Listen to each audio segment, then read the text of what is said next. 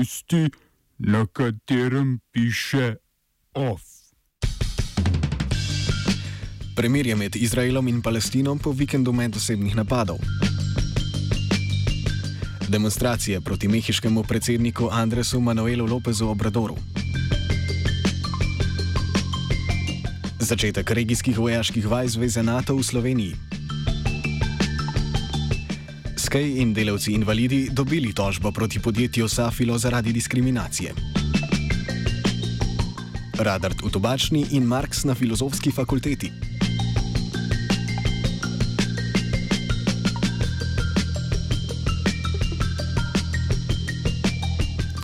Pozdravljeni. Po treh dnev, dnevih letalskih napadov in obstreljevanja z raketami sta Palestina in Izrael v prvi noči svetega meseca Ramadana sklenila premirje. Iskra, ki je tokrat zanetila požar, je bil snajperski napad na izraelska vojaka.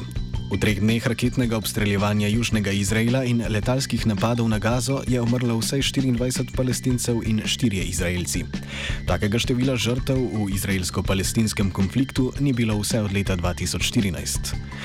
Popolnoma razumem odgovor okupacijske sile, ki drži Gazo v efektivni blokadi. Izraelska oblast, kot pričakovano, premirja ni uradno potrdila, vseeno pa je vojska umaknila del svojih enot v bližini Gaze, ponovno so odprte tudi vse javne storitve na tem območju. Skupina Islamski džihad svoj snajperski napad upravičuje kot odgovor na omenjeno blokado, ki zavira gospodarstvo v Gazi in naj bi jo po zadnjem dogovoru med državama na pobudo Egipta Izrael umaknil.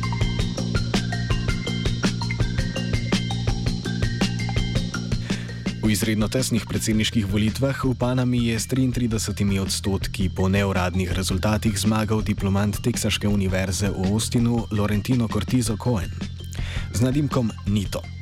Član demokratične revolucionarne stranke je tako za le 2 odstotka premagal drugo uvrščenega Rumula Ruksa, Nitova zunanja politika pa se bo na, po, po napovedih močno odmaknila od načrtov njegovega predhodnika Juana Carlosa Varele, ki je vzpostavil uradne diplomatske vezi s Kitajsko, kar ni bilo pogodo Združenim državam Amerike.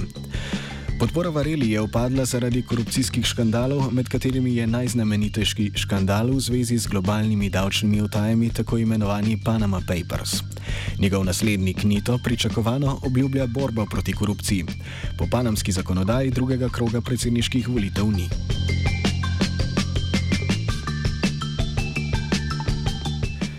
Iz najjužnejše srednjeameriške države se selimo v Mehiko na severu, kjer se je predsednik države Andres Manuel López Obrador znašel v škripcih.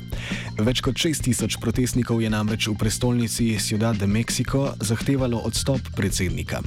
To so bile prve demonstracije od njegovega prevzema oblasti decembra lani, potem ko je z močno prednostjo zmagal julijske volitve. Obradorjeva celo, celotna kampanja je temeljila na reformaciji celotne mehiške družbe, ki je po njegovem mnenju pod skoraj stalnim 90-letnim vladanjem institucionalno-revolucionarne stranke močno nazadovala. Po polovici leta predsednikovanja so Obradorjevi voljivci razočarani zaradi številnih odločitev, ki so v nasprotju z volilnimi napovedmi. Med njimi prednjačijo prekinitev skoraj končane gradnje 12 milijard vrednega letališča, zapiranje državnega naftnega podjetja Pemex za zunanje investicije in nespoštljivo obnašanje do političnih nasprotnikov. Očitajo mu tudi prepočasno reševanje težav z mafijskimi karteli in ropari naftnih ploščali.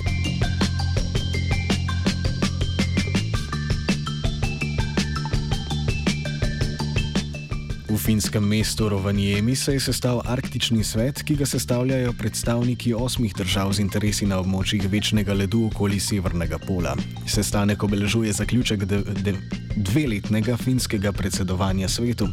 Na sestanku bodo na pobudo diplomatov iz Združenih držav Amerike razpravljali predvsem o prisotnosti kitajskih podmornic, ki ogrožajo na novo odprte plovne poti skozi Arktiko.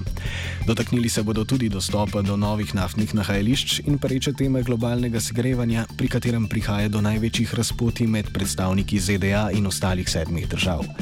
Prvi namreč ne priznavajo, da je globalno segrevanje posledica človeškega delovanja, kljub opozorilom, da bo večni let v oceanu do leta 2025 postal sezonski let.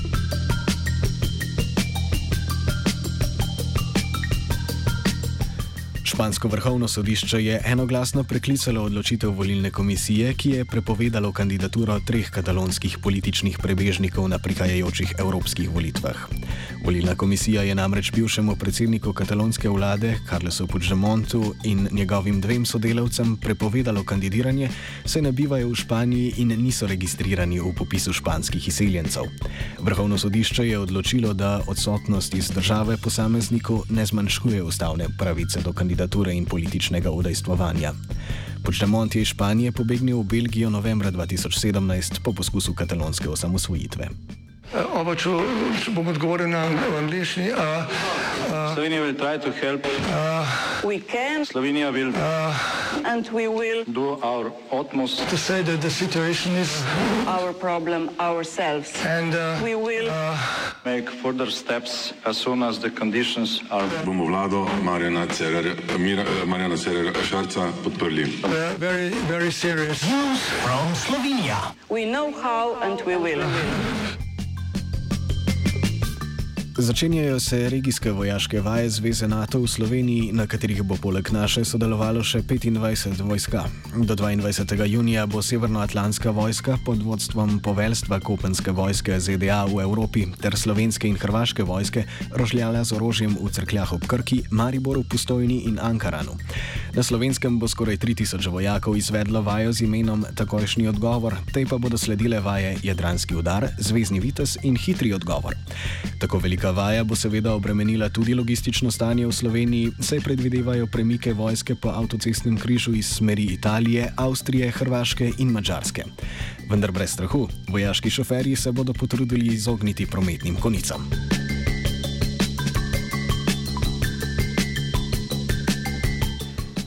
Višje delovno sodišče v Mariboru je v nasprotju s prvostopenskim sodiščem odločilo v korist sindikata Kovinske in elektroindustrije Slovenije in delavcev invalidov, ki so tožili podjetje Safilo.